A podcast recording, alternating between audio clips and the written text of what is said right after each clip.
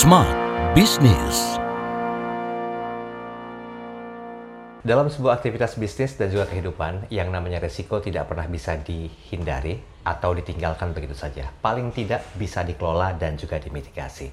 Nah, pertanyaan besarnya adalah bagaimana sebetulnya manajemen risiko di sebuah perusahaan besar yang dikelola oleh bermacam tim dan unit bisnisnya.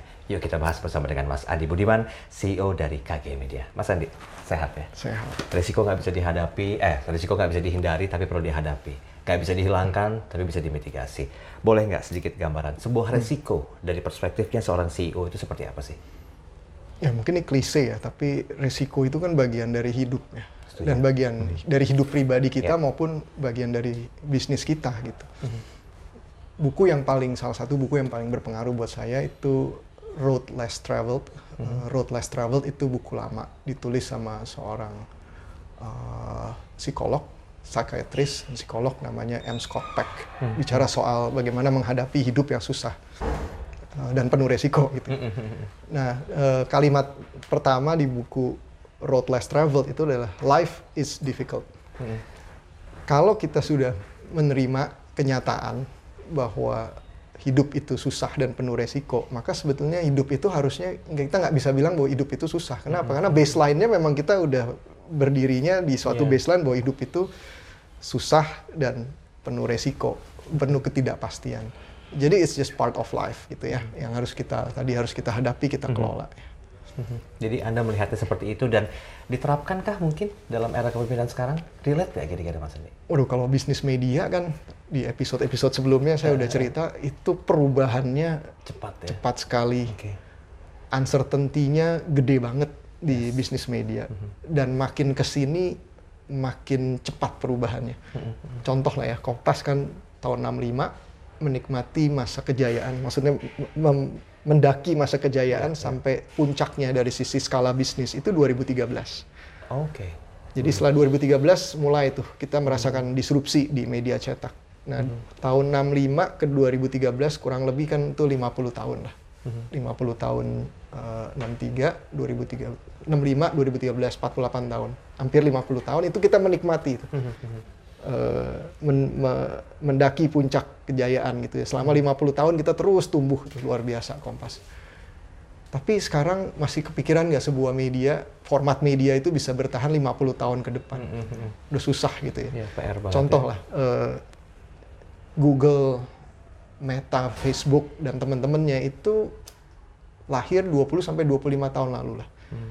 Dan kayaknya banyak pengamat bilang ini udah mas, udah udah mentok tuh, Masa puncak. masa puncak. Karena apa? Karena udah ada yang berikutnya lagi, udah ada TikTok dan lain-lain Iya. gitu. Artinya kalau kita dulu bisa menikmati 50 tahun, Hmm. sekarang mungkin 25 tahun gitu untuk bisa terus tumbuh. Mungkin berikutnya hanya 10 tahun atau lima tahun gitu. Hmm. Siklus perubahannya itu makin lama makin cepat. Jadi nggak mungkin kita nggak nggak nggak nggak melihat resiko atau tidak mau melihat resiko dalam bisnis media.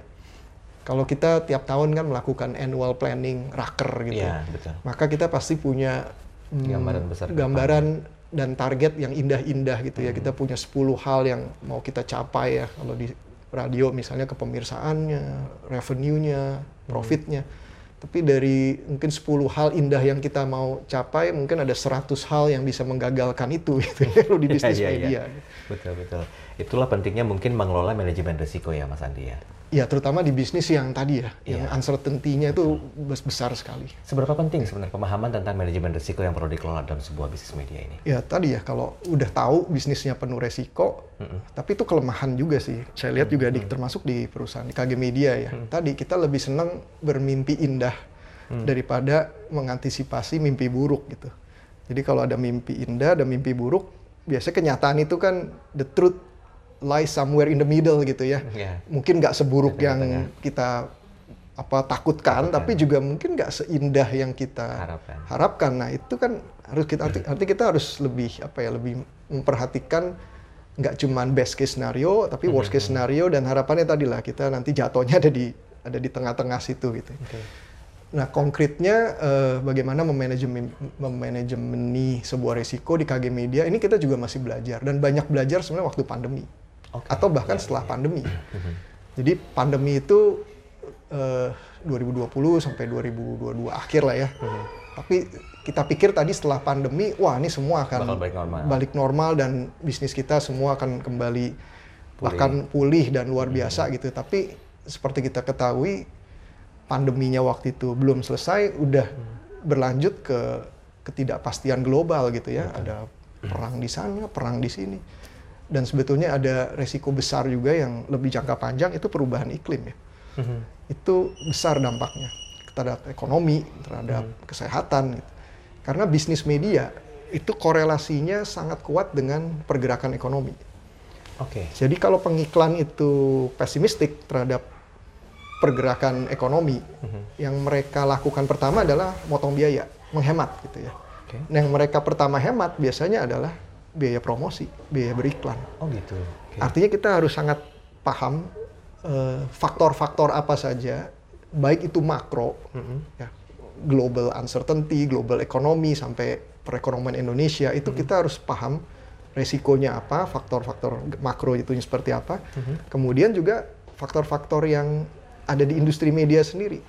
Contoh regulasi pemerintah saat ini sedang ada yang namanya publisher right dibahas di pemerintah bagaimana menyeimbangkan persaingan antara glo- global platform Google Meta dengan publisher-publisher yang ada di Indonesia. Oke. Itu bisa go either way. Kalau semua dikelola bagus kita bisa punya posisi yang lebih baik daripada sekarang di- posisi tawar yang lebih baik terhadap global platform. Tapi kalau faktor regulasinya tidak ternyata tidak terlalu menguntungkan itu bisa the other way gitu. Nah, itu ada faktor yang sangat eh, spesifik dengan industri kita. Kemudian faktor yang besar juga ke industri media adalah perilaku konsumen. Oke. Tadinya mengkonsumsi konten di mana, sekarang dengan Beralih ke digital. beralihnya ke digital, digitalnya pun kan nggak cuma satu. Iya, Digital ada ada social media, ada search, ada ada TikTok segala macam. Nah, itu perubahan perilakunya itu juga harus kita masukkan dalam faktor resiko tadi. Nah, faktor-faktor resiko ini kita kita apa? Kita rangkai atau kita kita kita petakan menjadi senario. Jadi the future is uncertain. Masa depan itu nggak nggak pasti. Artinya kita nggak bisa punya satu plan yang hanya punya satu plan gitu. Yang kita harus miliki itu berbagai senario berdasarkan faktor-faktor yang mungkin bisa terjadi. Kita nyebutnya scenario planning lah gitu. Jadi kalau faktornya A, B, C yang terjadi maka senarionya A. Kalau yang terjadi adalah D, E, F maka senarionya B. Oke. Nah masing-masing senario ini punya strategic option, punya harus punya strategi untuk masing-masing senario tuh. Tapi juga ada senari, ada ada strategi yang common sebetulnya. Mau senario A, senario B, Pakainya yang A. eh, ada sebuah strategi yang common yang yang harus jadi kudu lah itu Iya, kudu iya. dilakukan gitu. Nah itu sebenarnya yang lebih penting karena tadi kan the future is uncertain. Kalau senario nya A, oh kita harus A. Kalau senario nya B, kita harus B. Tapi yang lebih penting adalah mencari senario apa yang common untuk semua strategi yang common untuk semua senario. Itu yang kita sebut no brainer strategy. Artinya sesuatu yang sebenarnya simple tapi kadang-kadang kita lupa untuk lakukan. Padahal itu sangat penting karena berlaku untuk semua senario.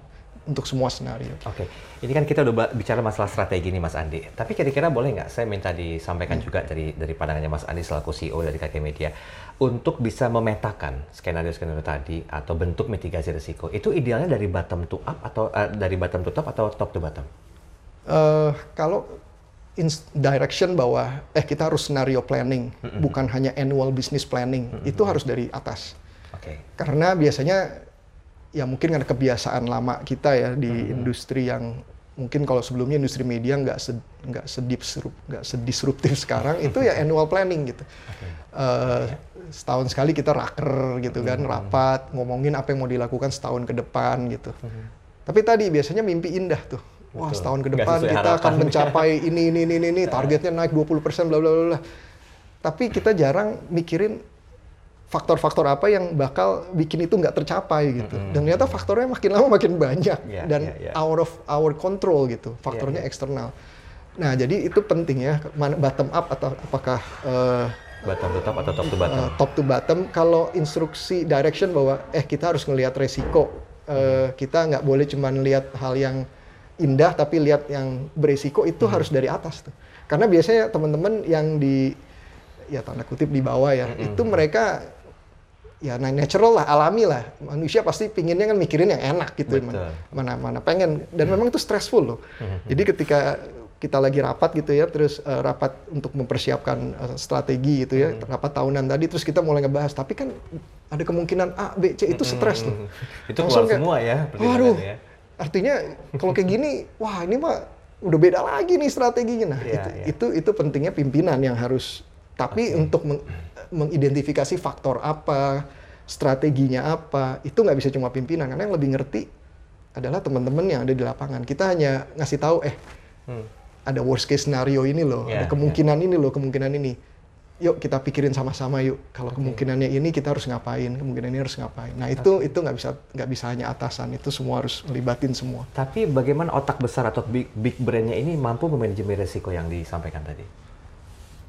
eh kalau dari pimpinan saya merasa justru kalau ada pimpinan itu nggak bukan orang yang paling pinter di perusahaan saya nggak percaya itu karena paling pinter dalam arti paling ngerti paling bisa mengeksekusi itu justru teman-teman Iya. tapi pimpinan itu menurut saya sebaiknya adalah bukan orang yang paling pinter tapi orang yang paling inform. Orang yang paling punya apa ya prospektif eh, informasi yang sifatnya prospektif gitu. Nggak cuman retrospektif ya. Kalau iya. retrospektif ngelihat data yang udah lewat semua bisa. Tapi ngelihat sesuatu ke depan baik itu baik maupun resiko sesuatu yang mengerikan ataupun yang meng- menggembirakan itu itu harus dimiliki oleh pimpinan karena kalau nggak nggak perlu ada pimpinan kalau semua bisa bekerja sendiri kan nggak perlu ada direction nggak perlu ada vision nggak perlu nggak perlu pimpinan pimpinan ada di situ supaya tadi ada yang bisa eh, lebih prospektif ke depan baik melihat hal yang baik maupun hal yang kemungkinan buruk gitu. Menularkannya gimana nih mas? Semangat-semangatnya mas Andi ini yang baru saja disampaikan itu kan kayaknya harus diturunin ke bawah. Iya. Jadi ada satu cara atau mungkin metode yang Iya. bisa- disampaikan nggak? Agar satu visi, simbiosis mutualisme itu tetap terjaga Iya. antara setiap unit. Kalau saya kan train as engineer, saya ini eh, lulusnya sebagai orang teknik gitu ya. Artinya data tuh sangat penting buat saya. Oke. Karena opinion is cheap gitu ya, but fact is sacred gitu. Semua bisa ngomong lah, oh akan terjadi ini, terjadi itu. Tapi kalau nggak di backup dengan data, Data.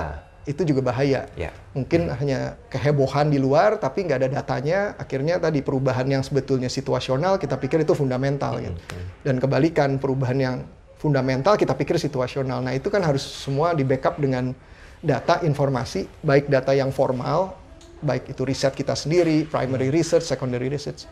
Di KG Media kita punya tim riset, tiap tahun kita ngelihat tadi, mensurvei, men- menganalisa perubahan konsumsi perilaku konsumen media. Sehingga kita dapat early warning system. Tapi juga banyak informasi yang sifatnya informal. Ya dengan ngobrol-ngobrol seperti ini, dengan ngobrol dengan orang-orang yang justru punya pemikiran yang berbeda sama kita. Nah, itu semua kita kumpulin dan kalau di KG Media kita punya town hall. Eh, setahun dua kali. Nah, di situ saya biasanya memaparkan gitu ya. Ini trennya, ini akan berubah ke depan menurut data ini. Jadi di backup dengan data dan itu kita sebarkan. Karena ada juga yang berpikir kan, waduh kalau punya informasi yang berharga, jangan disebarin tuh. Nanti semua jadi tahu, bahkan kompetitor tahu. Tapi menurut saya di zaman sekarang informasi itu pasti eventually akan akan terdisclose. Tinggal timing aja gitu ya. Nah kalau kita cuman kita sebagai pimpinan yang tahu, tapi kita keep sendiri, gimana perusahaan, gimana organisasi mau merespon gitu. Jadi bagiin aja. Kalau itu bocor-bocor halus keluar ya it's okay. Resiko juga Tapi kan walaupun orang punya informasi yang sama, tapi eksekusinya Belum tentu sama. belum tentu sama. Oke, baik. Susah-susah gampang sebetulnya untuk bisa mengelola risiko dalam sebuah uh, aktivitas perusahaan. Tapi apa yang disampaikan oleh Mas uh, Andi Budiman selaku CEO KG Media pasti bermanfaat dan juga memberikan kontribusi yang berarti. Coba di-spill pelan-pelan apa yang disampaikan oleh beliau supaya Anda juga paham bagaimana mengelola sebuah risiko. Karena risiko nggak pernah bisa dihindari, tapi perlu dilakukan manajemen profesional untuk risiko tersebut. Saya Daryl Adam, sampai jumpa. Smart Business. Lead you better.